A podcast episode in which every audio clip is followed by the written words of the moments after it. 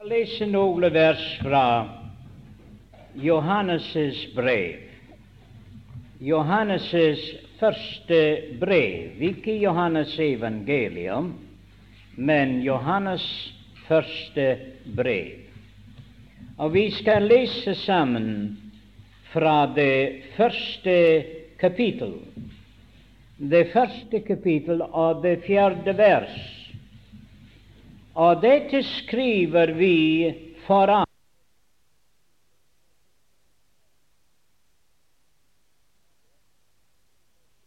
Det kan bli være fullkommen.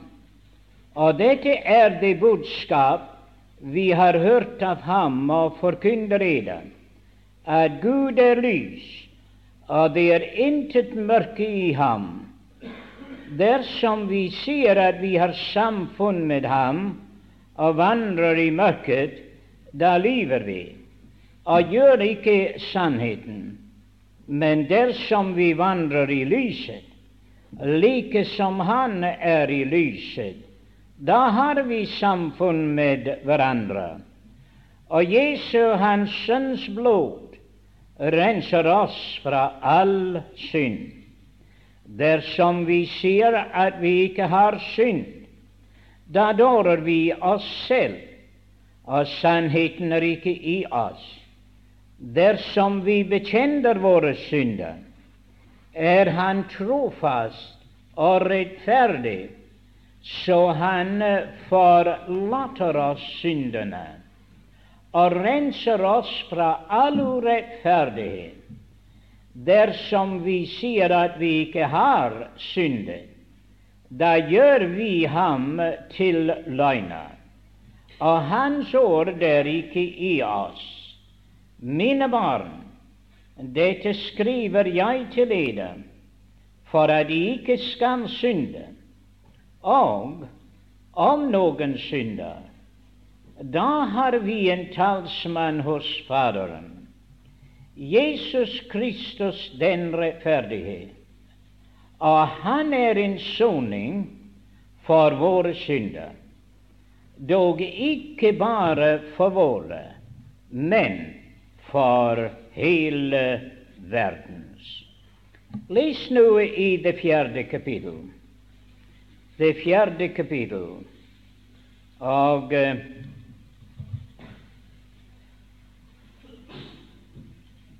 av vers 16, det 16. vers.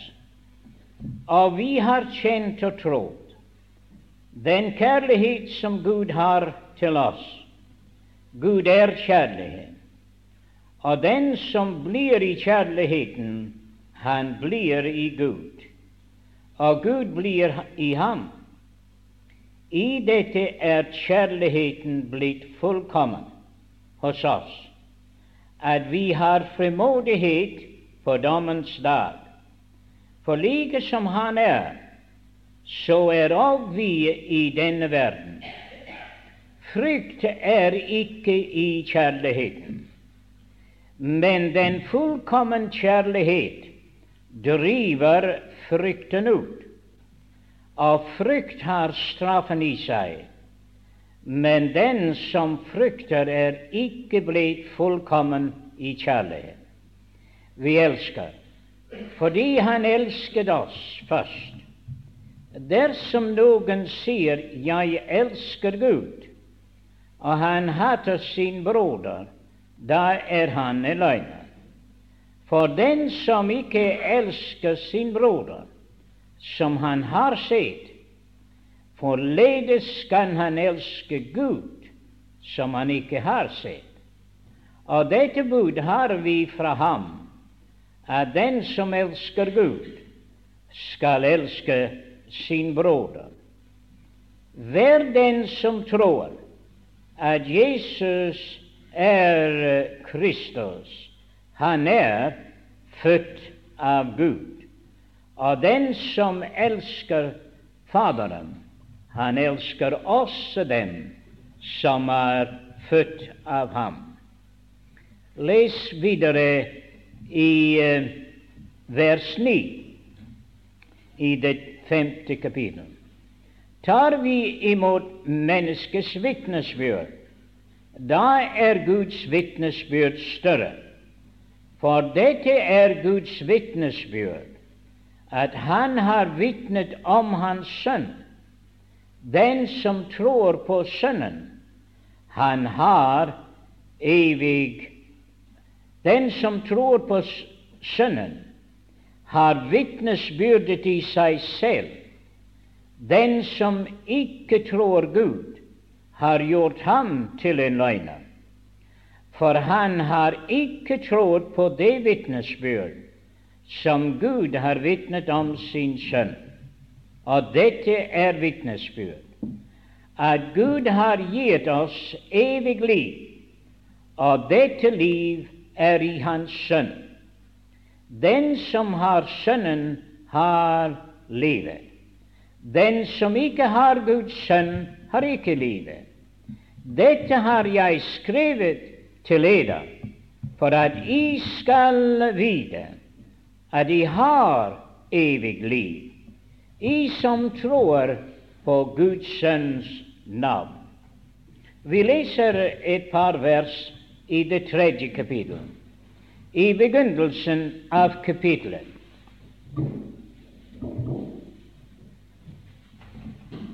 Se hvor stor en kjærlighet Faderen har vist oss, at vi skal kalles Guds barn, og det er vi.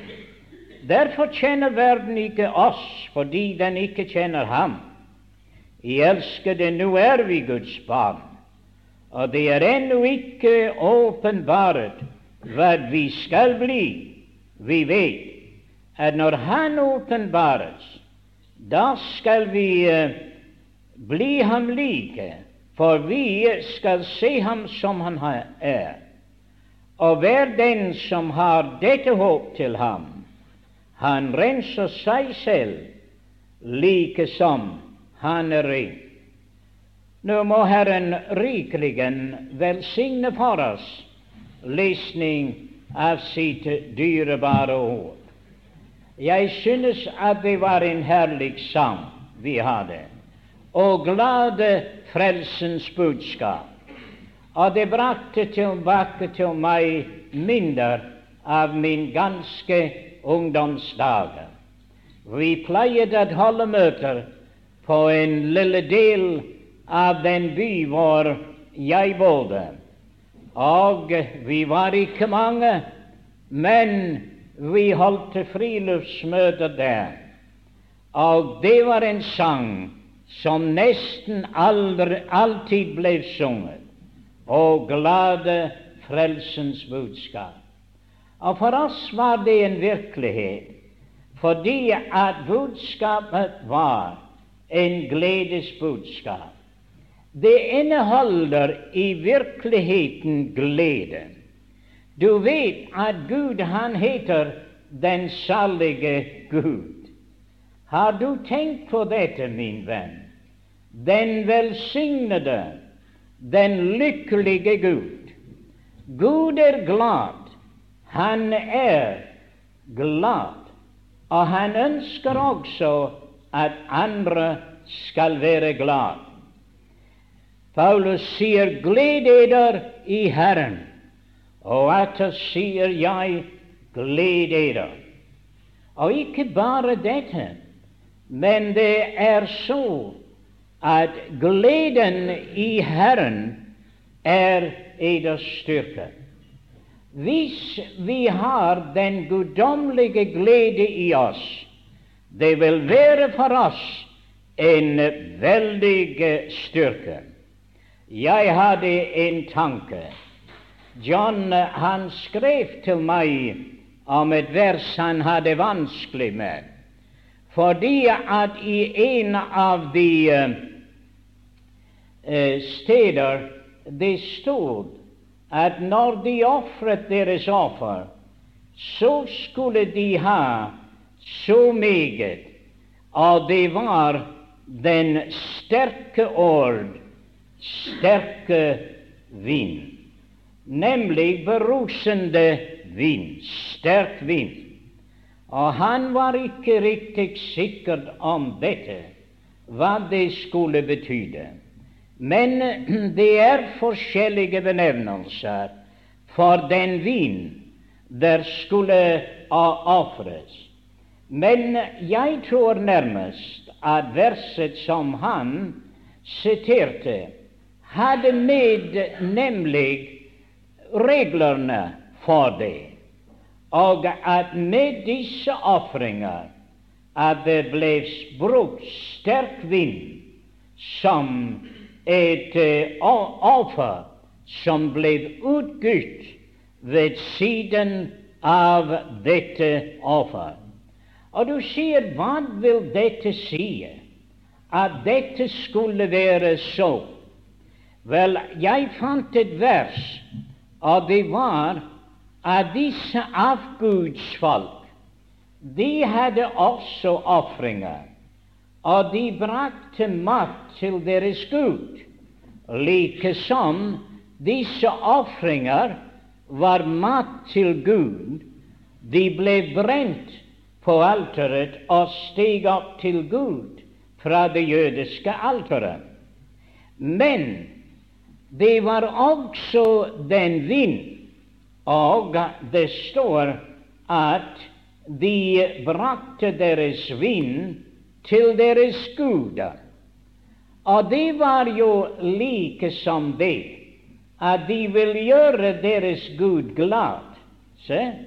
For det står at vind er det som gleder Guds og menneskers hjerte. Og jeg undret meg hvordan at vind kunne glede Guds hjerte. Og således var det med disse guders hjerte. De mente de skulle glede deres hjerte med det som de brakte.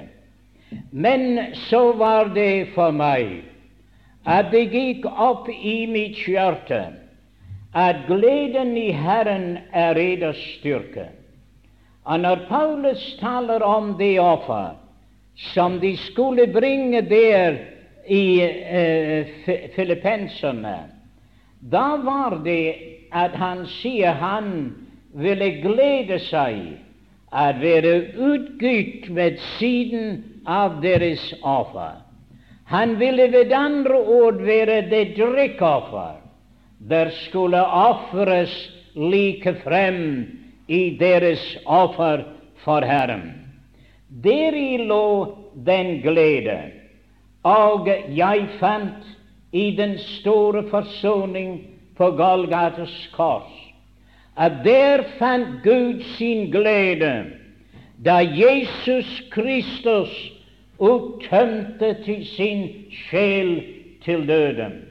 Og derfor var det at vår glede, vår eh, Gud ble glad. Nå det står gleden i Herren er eders styrke. Eller Herrens glede er eders styrke. Det vil si at disse avguders offer de ofret vind for å gjøre deres guder glad. Men mine venner, jeg fikk en løsning i det da vi satt en morgen ved et morgenmøte i Skottland. Og da sang vi en sang I'm called to share in God's own joy. Det vil si, han har kallet meg til å få del i Guds glede. Og jeg må forstå at Golgatas kors er det som brakte det største glede til Gud. Gud har aldri vært så glad som han var da den velluk steg opp til Gud i Jesus Kristus, det gledet Guds hjerte. Og lovet være Gud, det samme offer har gledet mitt hjerte og ditt hjerte Se, det er gledens budskap. Der gleder både Gud og mennesker. Og således er det, mine venner, at dette budskap er et budskap om glede. Og hver eneste Guds barn skulle være glad. Han skulle være glad i Hans Herre og Kristus. Min fader, de kalte ham for Happy Harry. Ja, Harry var hans navn, og de kalte ham for Happy, eller glad eller lykkelig Harry. Han var et Guds barn, men han var en av disse glade Guds barn. Han var glad i Herren, og derfor kunne han bringe glede til andre. Og dette er jo det største i livet, er nemlig gleden. Og mennesker i dag, de søker efter gleden. Jeg tenker på alle de ungdommer som trasser her og der og opptatt med forskjellige ting. De er ved de sprukne brønner, og de søker efter glede, men det er intet glede der, min kjære venn. Der er ingen glede ved disse sprukne brønner. Gleden i Herren er det eneste blivende av virkelig glede. Nå, det er det jeg synes vi burde tenke på. Vi hørte i dag om Johannes, og vi hørte om hvordan det var at han skriver evangeliet, og han skriver de brevet, og han skriver åpenbaring. Jeg har somme tider tenkt at han skriver i Johannes evangelium om familiens liv, det evige liv. Han skriver i åpenbaring om familiens hjem, det nye Jerusalem. Men han skriver i sitt brev om familiens glede. Og dette er jo en veldig stor ting at kunne således skrive om familiens glede.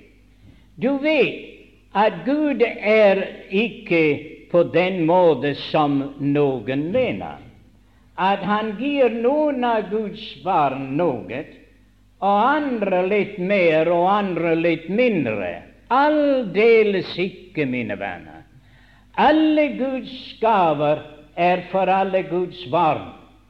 Og vi får alle sammen like gaver, for Gud har ingen stebarn.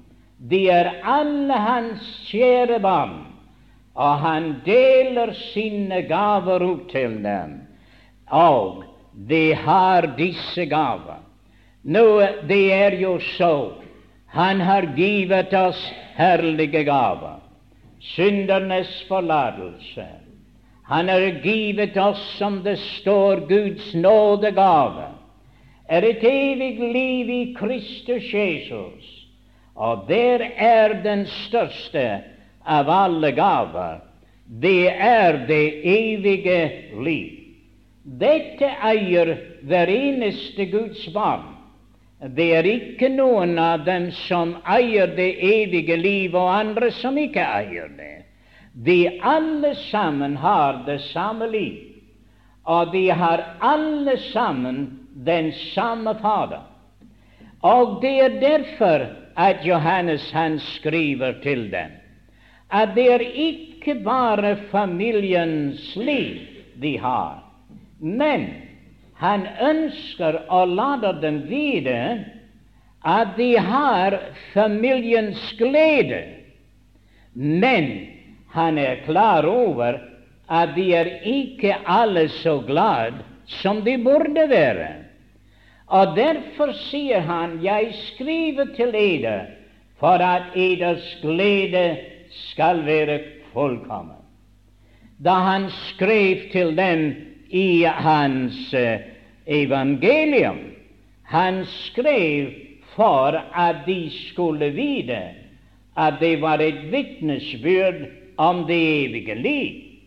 Men da han skrev til barna her i Johannes brev, han skrev for at de skulle blive klar over dette, at det er noe som heter fullkommen glede. Og det var det var hans ønske for dem, at de skulle oppnå den fullkommen glede. Nå, Jesus han sier også at min glede kunne være fullkommen i ede. Det kommer tilbake til hvor vi begynte, at den samme glede som er i Gud, er i Kristus. Og han sier at min glede skulle være fullkommen i eder, at den glede som er i ditt hjerte, er det samme glede som er i Gud. Ah. Se, han er Fader, og den samme liv som du har, er det samme liv som er i Faderen. Det står Peter sier at I skulle være delaktige i det guddommelige liv. Det evige liv er guddommelig, og derfor er det at fordi vi er født på ny, født av Gud, vi har Guds liv i oss, vi har det evige liv. Men det er ikke bare Guds eh, eh, glede vi har, eh, Guds liv vi har, men vi har også Guds fred skal bevare eders hjerte i Kristus Jesus. Den fred som er i vår Fader, den er også for oss, men også den glede som er hos vår Fader, den er også for oss. Og hva er det Gud gleder seg i? Gud gleder seg i Kristus. Han gleder seg over det store offer på Golgata. Og derfor, når han sier til oss 'Gled dere i Herren', så er det et underfull formaning for oss at finne vår glede i den Herre Jesus Kristus selv. Vi pleide å synge at de sprukne brønner, dem hadde vi ikke noen lyst. Vår glede er i Ham alene. Å, kjære unge venner, la dette være klar for deg, at du finner din glede i Jesus alene, din glede i din Gud. Men, sier jeg, hvorfor er det at jeg ikke har fullkommen glede? Ja, dessverre, det er mange som synes ikke at have den fullkommen glede. Det er visse grunner for det. Og jeg har tenkt på det på denne måten. Hva var det som forstyrret gleden? Langt tilbake i Edens hage. Jeg kan ikke tenke annet enn Gud var glad, for han sa at alt var såre godt, og Gud var glad. Men så kom syndenen. Jeg kan tenke meg både Eve og Adam var glade. Men synden kom inn, og da kom sorg. Og da kom døden. Og da mistet de, tapte de deres glede. Og det er derfor at all den sorg er i verden i dag, alt de tårer som renner, er grunnet på synd. Jesus han greit ved Lasarus' grav. Det var noe å grete over, at se den sorg iblant mennesker. Og hva var årsaken? Hva var opphav til det? De sier vi er som Gud skapte oss. Det er ikke sant, mine venner. Langt, langt derifra. Gud skapte oss uskyldig, men det er dette synd er kommet inn i denne verden. Og synd har fordervet alt. Og synd har brakt mennesket ned. Og synd, mine venner, skal en dag forårsake at vår verden går opp i flammer. Å, det er en forferdelig ting, synd. Mennesker i dag synd er ikke synd. Nei, nei. Det er jo bare en svakhet eller en tilbøyelighet. Synd, mine venner, er fiendskap mot den hellige Gud. Så at du kan tenke på det, at det er noe imellom din sjel og Gud. Om du ikke har fred med Gud, har ikke troet på ham. Men den som har troet på ham, han har fred med Gud. Men det er det at synd måtte fjernes. Og om vi kunne Der er, kan vi si, fire ting som uh, hindrer fullkommen glede. Den ene heter synd. Om vi kunne få en middel der ville fjerne synd, så kunne vi ha glede. Og så for det neste det er noe som heter frykt. Og om vi kunne få en middel der kunne fjerne frykt, så kunne vi ha glede. Det er en annen ting som heter tvil. Å, kjenner du noe til det? Ingen er glad når de er fortvilet. Nei. Men om vi kunne få en middel der vil fjerne tvil, da kunne gleden komme inn. Det er noe også som heter mismot. Men hadde vi en middel mot mismot, ja, da kunne vi ha glede. Nå, det er nettopp dette som Johannes sier. Johannes visste at alle disse ting eksisteret. At det var synd det var årsaken til at de ikke hadde fullkommen glede. Det var uh, frykt i deres hjerte der forstyrret deres glede. Det var tvil i deres hjerte der forstyrret deres glede. Ja, og mine venner, det var mismot. Den kan så lett komme inn. Så derfor la oss tenke for et lille øyeblikk om hva kan fjerne disse ting? Hva kan fjerne synd? Vi har en lille sang. Hva kan rense oss fra synd? Jesu dyrebare blod alene. Hva kunne rense deg fra synd? Du kan vaske deg med alt det vann er. Min venn, det vil aldri fjerne en eneste synd.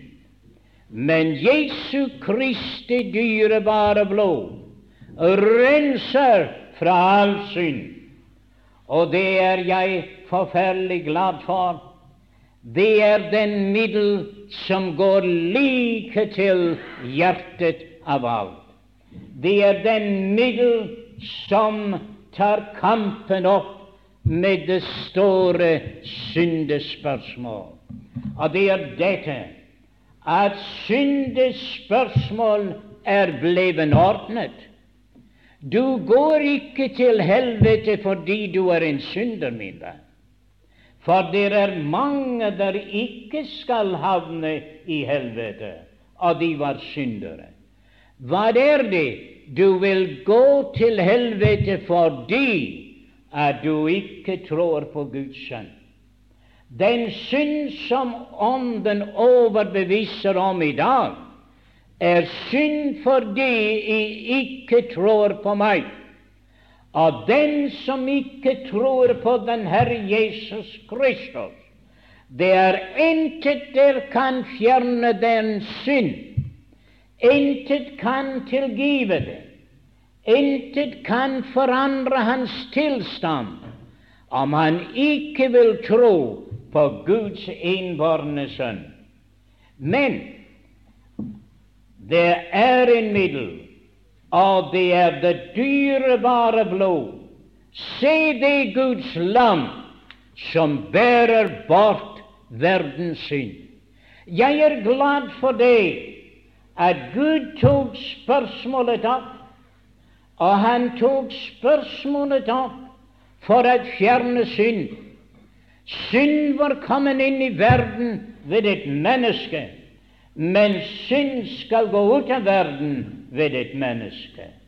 Og det mennesket er vår velsignede Herre av Frelser.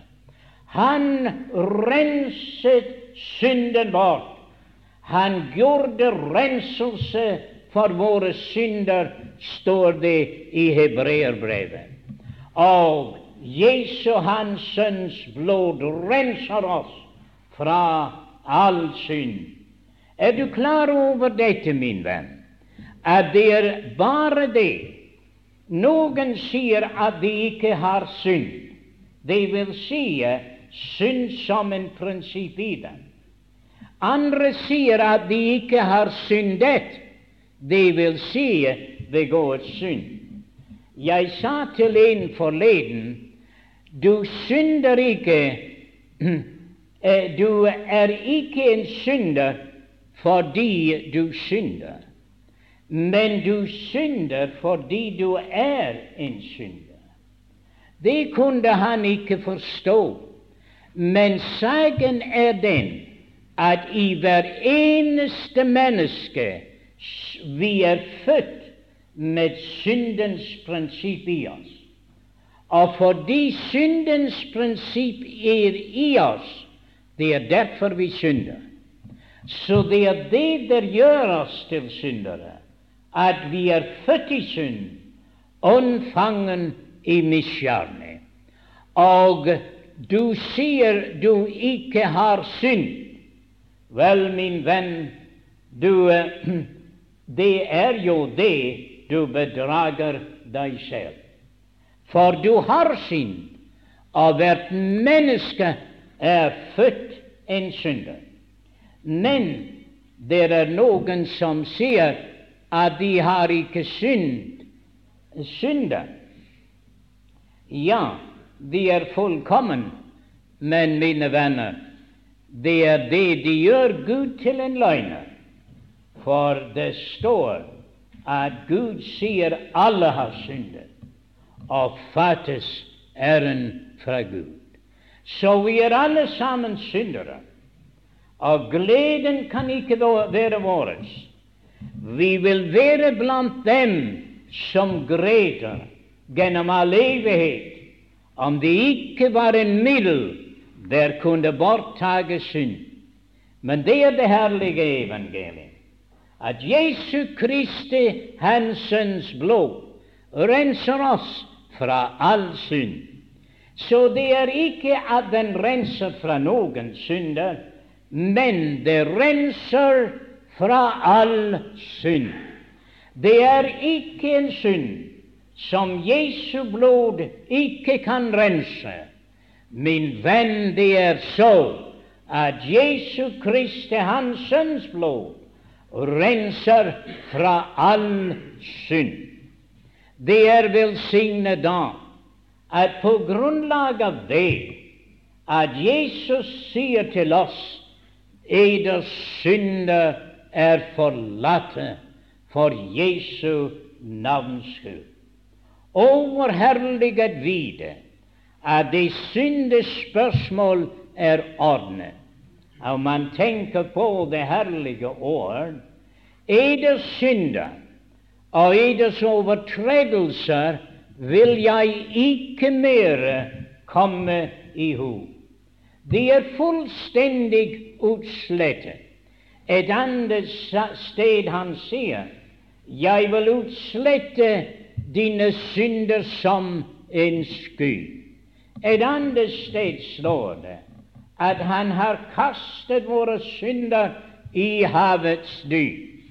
Irlander, han var jo til et møte, og der var det et foredrag, vitenskapelig foredrag. Og mannen fortalte om at det var steder ute på havet at det var syv engelske mil dyp. Og da han sa det, irlenderen ropte 'halleluja', sa han. Mannen fikk en sjokk. Han var ikke vant til å høre det på sine møter. Men han uh, tok seg sammen og sa det igjen. Halleluja! Han sa det er syv mil dypt i havet.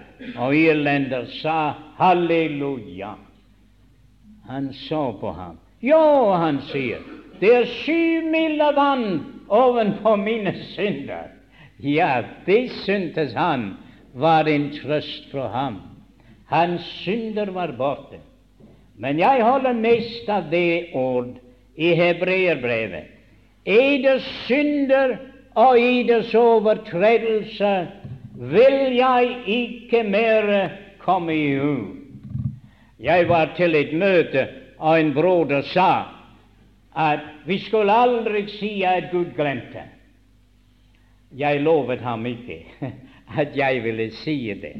Men han mente at glemme det er tegn på at man er blitt gammel. Ja, jeg forstår noe til dette. Men han forstod ikke så at du og jeg glemmer det vi burde huske, og vi husker det vi burde glemme. Men Gud, han glemmer det han vil, og Gud minnes det han vil. Og Gud har sagt på grunn av det store offer på Golgata jeg vil glemme dine synder. Og Gud har glemt dem. Jeg har ikke. Jeg kan ikke glemme dem. Der kommer et og annet opp for meg som jeg er ked av, men Gud har glemt dem. Å, mine venner, minnes my sins over bless of the glorious thought. My sins, not in part but the whole, are nailed to his cross, and I bear them no more. Bless the Lord, bless the Lord, O my soul. Mine synder, å salige tanker. Mine synder, ikke en del med det hele, er naglet til hans kors. Jeg bærer dem ikke mer. Velsign min sjel, velsignet være Herren. Han glemmer dem alle sammen.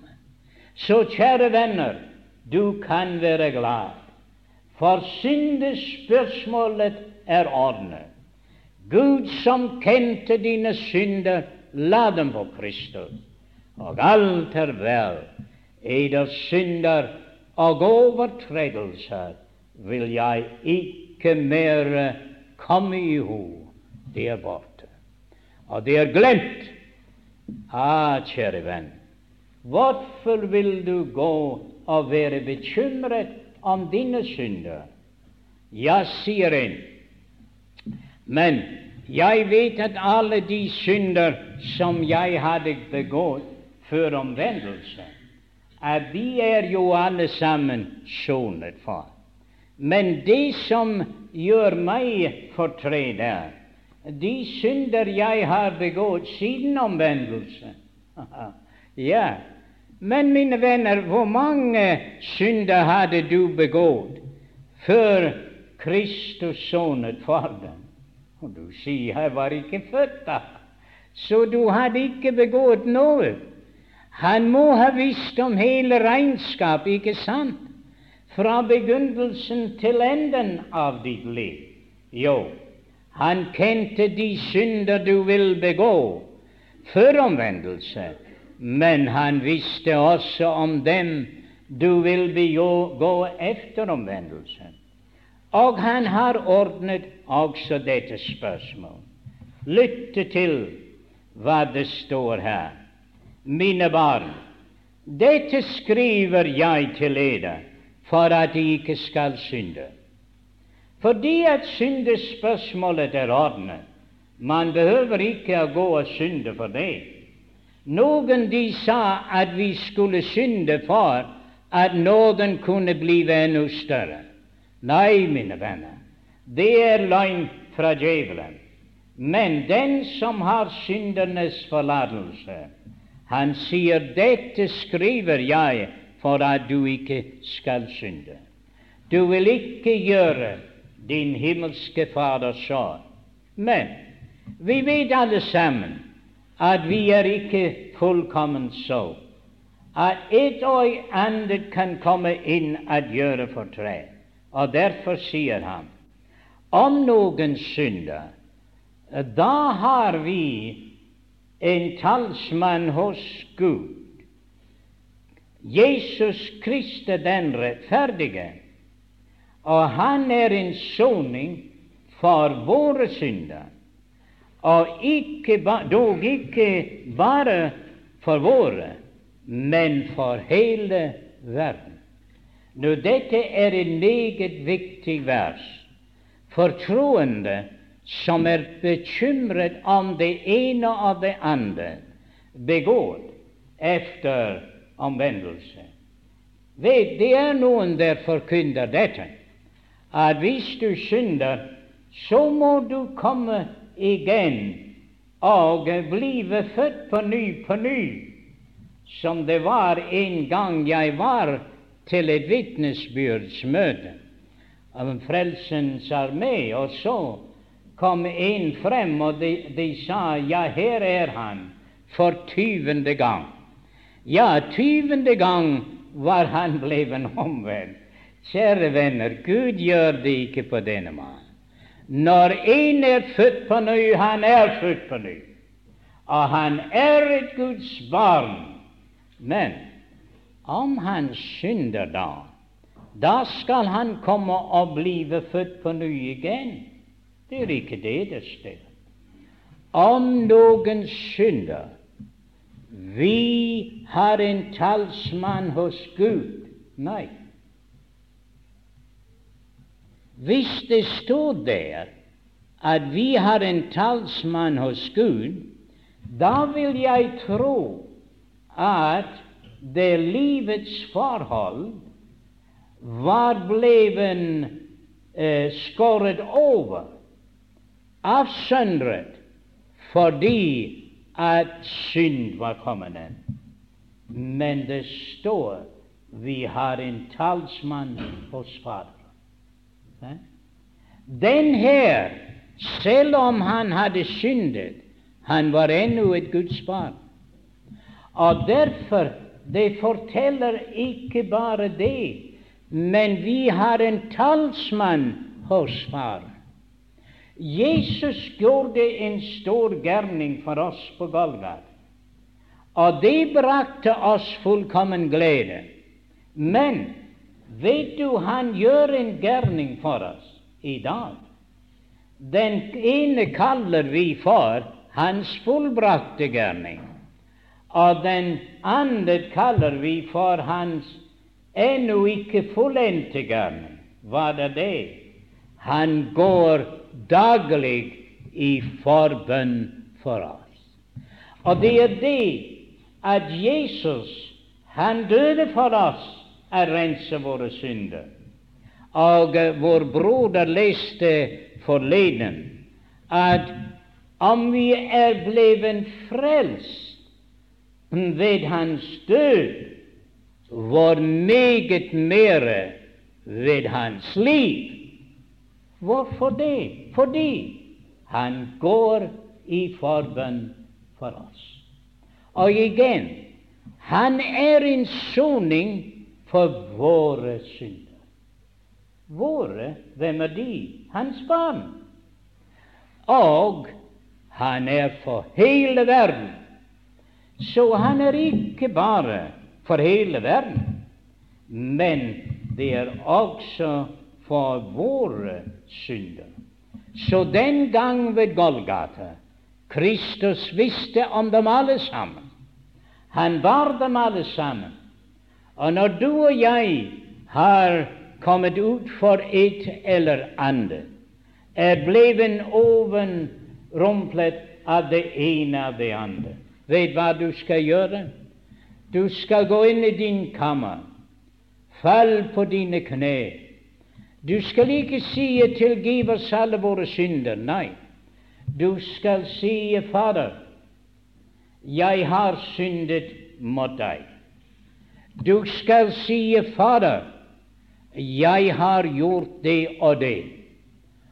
Jeg vet det er ikke som det skulle være, at det er synd og at det er ikke riktig. Men jeg vet at du tok alle mine synder på deg. Men jeg vil ikke såre ditt hjerte med det synden. Men du vet hvor svak jeg er. Jeg søker nåde for deg. Herre, vil du forgive også den synd? Jo, det vil han gjøre. Han er rettferdig.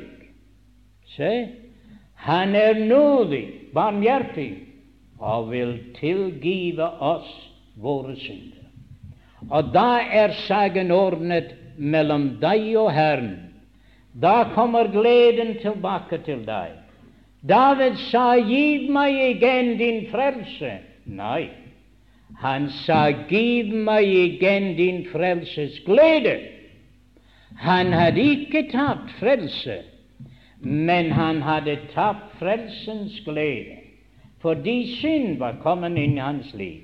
Men det øyeblikk at du går til Faderen selv, du har en, annen, en talsmann hos Faderen. Han sier 'Jeg har sonet for hans synder'. Han står i min rettferdighet. Og kjære venn, din sjel er opprettet med Gud. Så enten det er det store syndespørsmål, eller det er hans barns synder, Jesu Kristi Hansens blod renser oss fra all synd, og da er det at gleden fyller våre hjerter fullkommen glede, syndersone. Men det var også noe annet som vi så, og mm, det var dette. Det er noe som der heter frykt. Og frykt er en forferdelig ting. Frykt er jo noe som gjør at folk taper og mister glede. Men det er jo så at det er en middel imot frukt. Johannes forteller oss at fullkommen kjærlighet driver frykten ut. Jeg var ikke bange for min mor. Du sier hvorfor det? Ja, fordi jeg visste hun elsket meg. Og jeg visste jeg elsket henne. Det var jo et så godt forhold imellom oss. Jeg var ikke redd for henne. Og mine venner, jeg er ikke redd for min frelse. Hvorfor det? For jeg vet at han elsker meg. Han elsket sine egne som var i verden, og han elsket dem inntil ende. Ja, ja, men, sier du, vi er ikke fullkommen. Det var Peter heller ikke. Johannes var en av de tårdens sønner der vil bringe ild ned fra himmelen. Ja, men den Herre Jesus elsker dem allikevel. Han elsker oss alle sammen. Ja, det er noen der sier når du blir syk, at du har syndet og du har gjort noe forkert, og at, at Herren elsker deg ikke mer. Å, min venn, det skal du ikke si. Det står i uh, Johannes evangelium når Jesus han elsket Lasarus. Marte og Maria og Lasarus. Han elsket den der var syk, for han som du elsker, er syk, og han elsker ham. Men han kom ikke nettopp til det øyeblikk. Men det hadde ikke forandret hans kjærlighet. Han elsket ham allikevel. Så kjære venner, la ikke folk drive deg for sans og samling fordi du er syk, og de sier at Gud elsker deg ikke. For han elsket sine egne som var i verden, og han elsket dem inntil ende.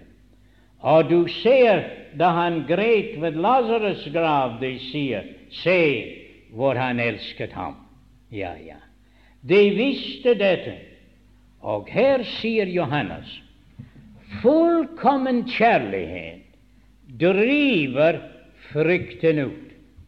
Om, du, om jeg kunne bevise, overbevise deg om at Gud elsker deg, om jeg kunne overbevise deg om at Jesus elsker deg, ville du bli redd for dem?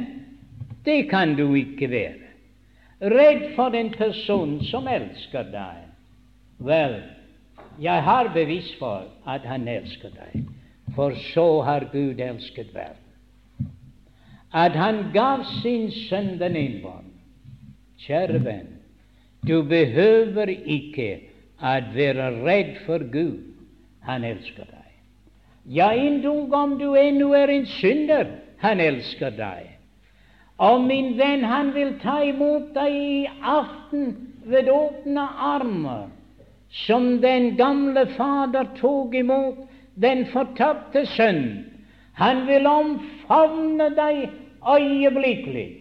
Å, min venn, han frykt er ikke der hvor kjærlighet er.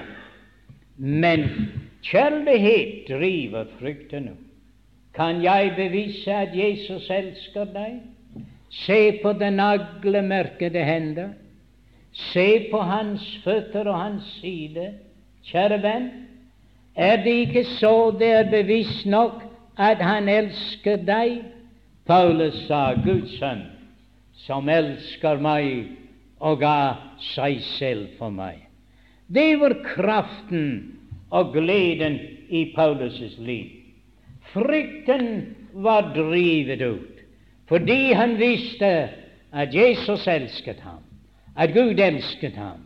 Og kjære venn, vi er ikke i hans kjærlighet fordi vi elsker ham.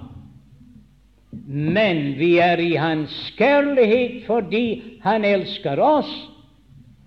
Og vi elsker Ham fordi Han først elsket oss. Fordyp deg i den kjærlighet, min venn. I Jesu Kristi kjærlighet til deg, og du vil finne at det driver frykten ut. Og hva kommer inn? Glede. Du blir så glad da i den Herre Jesus Kristus, fordi du har en frelser som elsker deg.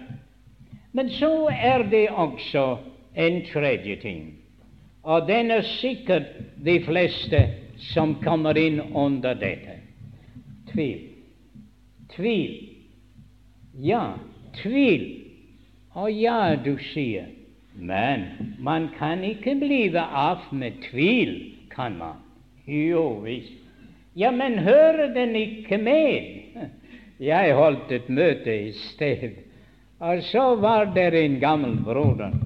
Han stod opp og han sa ja, ja, det var all right hva broderen sa, men, men, der skal en lille smule tvil til. Hva, mine venner? En lille smil, smule tvil til? Hva skal tvil til for?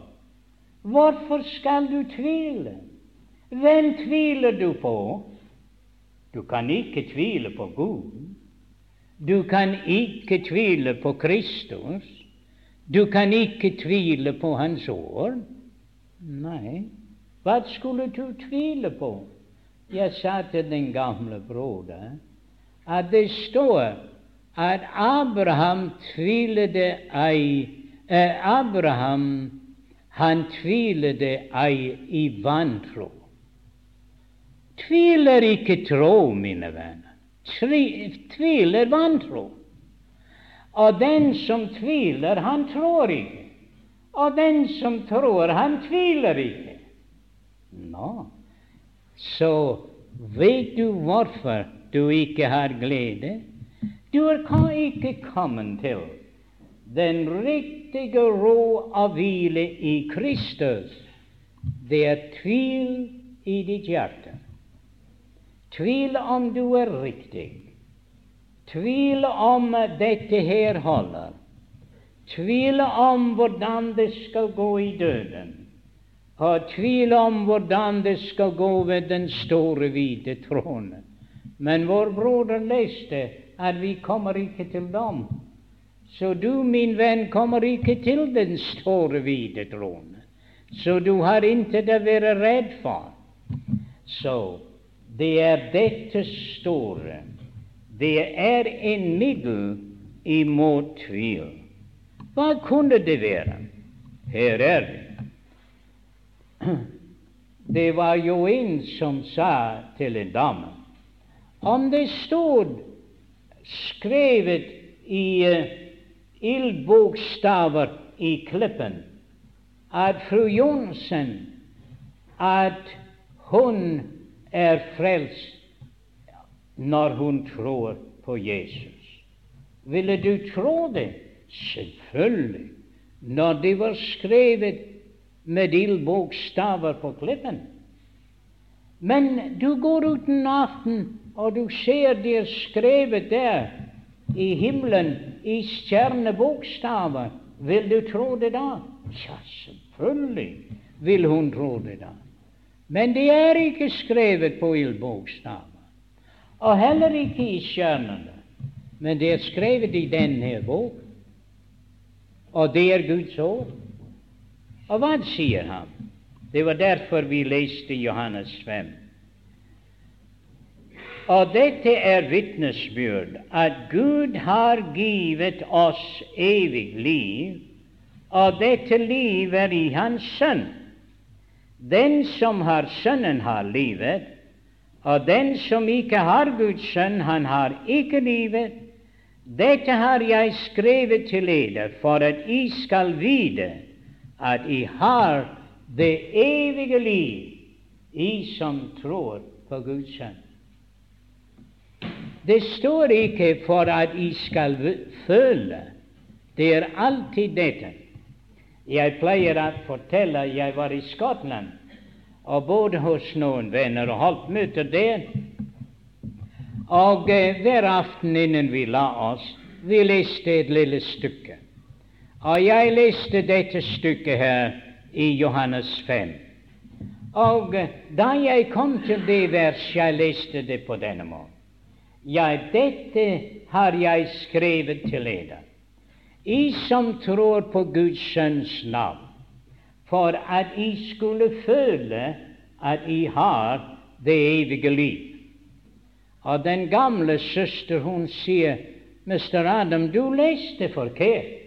Så, sa jeg. Så tok jeg det opp og leste det igjen.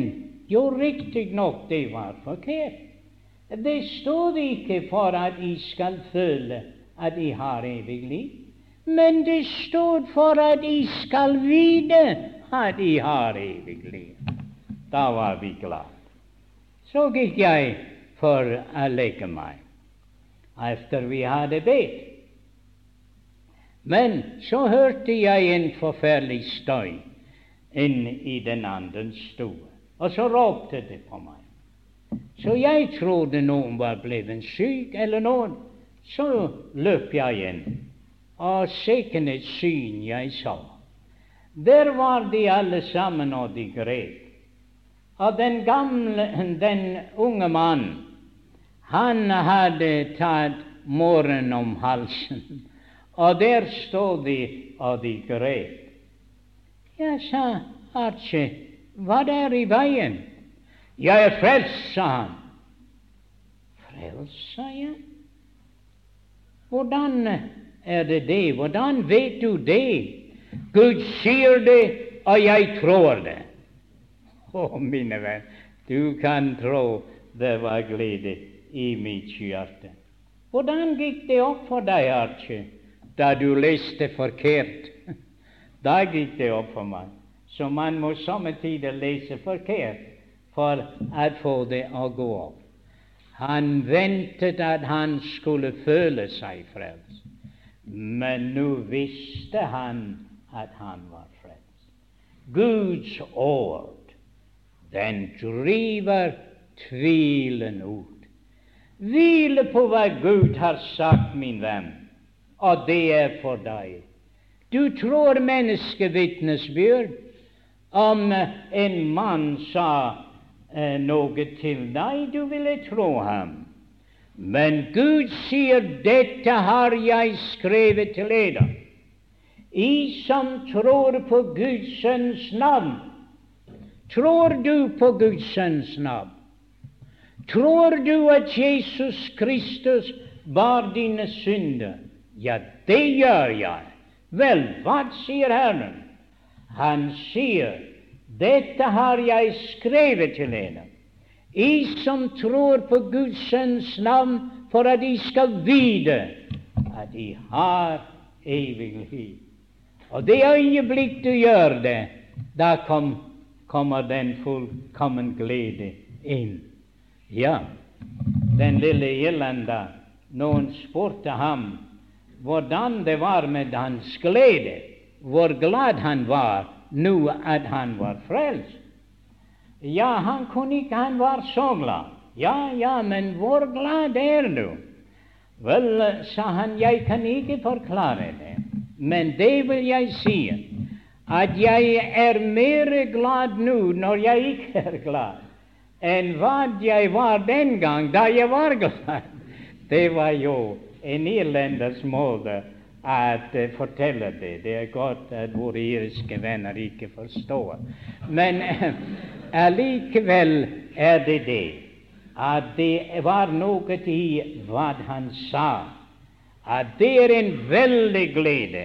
Det fyller hjertet. Og vet, det er ikke bare i ditt hjerte. Det er glede i himmelen over en synder der omvender seg. Der kommer glede til himmelen når du tror på ham. Og det er glede blant Guds barn. Og det er herlig. Er det en her som ennå ikke har trodd på den Herre Jesus? Er det en som ennå ikke har vovet seg ut på Guds løfte, så du kunne bekjenne at du er frelst og har det evige liv, og har frelsens glede i ditt hjerte. Hvorfor ikke ta skrittet i aften? Ja, det er noen der ber dem komme opp til bordsbenken, men vi har visstnok ingen her. Men, min venn, det er dette. Jeg vil ikke gjøre det. For du kan ta imot Herren der hvor du sitter. Ja. Og ingen andre vil vite det før du sier det. Det kan skje i dette nå og i dette øyeblikk. Du vet du er en synder. Du vet at Jesu blod renser fra all synd. Og Gud sier, den, dette skriver jeg til dere, I som tror på Guds Sønns navn, for at de skulle vite at de har det evige liv. Å, herlig det er at vite du har det sort på hvitt. Du har noe å vise frem for mennesker og for djevelen. Gud har sagt at du har det evige liv. Ta Gud på ordet. Da går frykten ut. Guds ord driver frykten ut. Men det var mismål. Det har vi ikke så meget tid å tale om. Men mismod det ser alt sort i fremtiden. Og de kaller dem visstnok for pessimister eller noe sånt. De ser ikke et lys der skinner. Men Johannes sier at det er en dag Se hvor stor en kjærlighet Faderen har bevist oss for at vi er kalt Hans barn, og det er vi. Å, du tviler ikke på det, Johannes? Nei, det er vi. Det er ennå ikke åpenbart hva vi skal være. Men når vi skal se ham, vi skal vorde ham like Er du mismodig om den sak, min venn? Er du redd for fremtiden? Vi skal vorde ham like, for vi skal se ham som han er. Og den som har dette håp til Gud se, Den som har dette håp Håpet om at vorde Kristus lik, håpet om at være hos Ham i himmelen, den driver frykten ut, den driver mismod ut, og du er glad, glad og håp at Jesus kommer atter. Så venner, Johannes har gjort familien en veldig tjeneste i Guds hånd at fortelle oss hva kan fjerne synd. Jesu Kristi blod.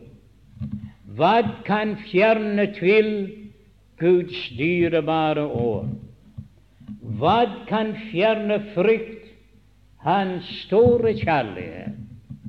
Og hva kan fjerne mismot? Det herlige velsignede håp. Og da var der tilbake fullkommen glede. Og Herrens glede er eders styrke. Så la den glede fylle våre hjerter. Vi har all grunn til å være fullkommen glad. Må Herren da velsigne sitt ord for hver sjel i aften i Hans dyrebare navn.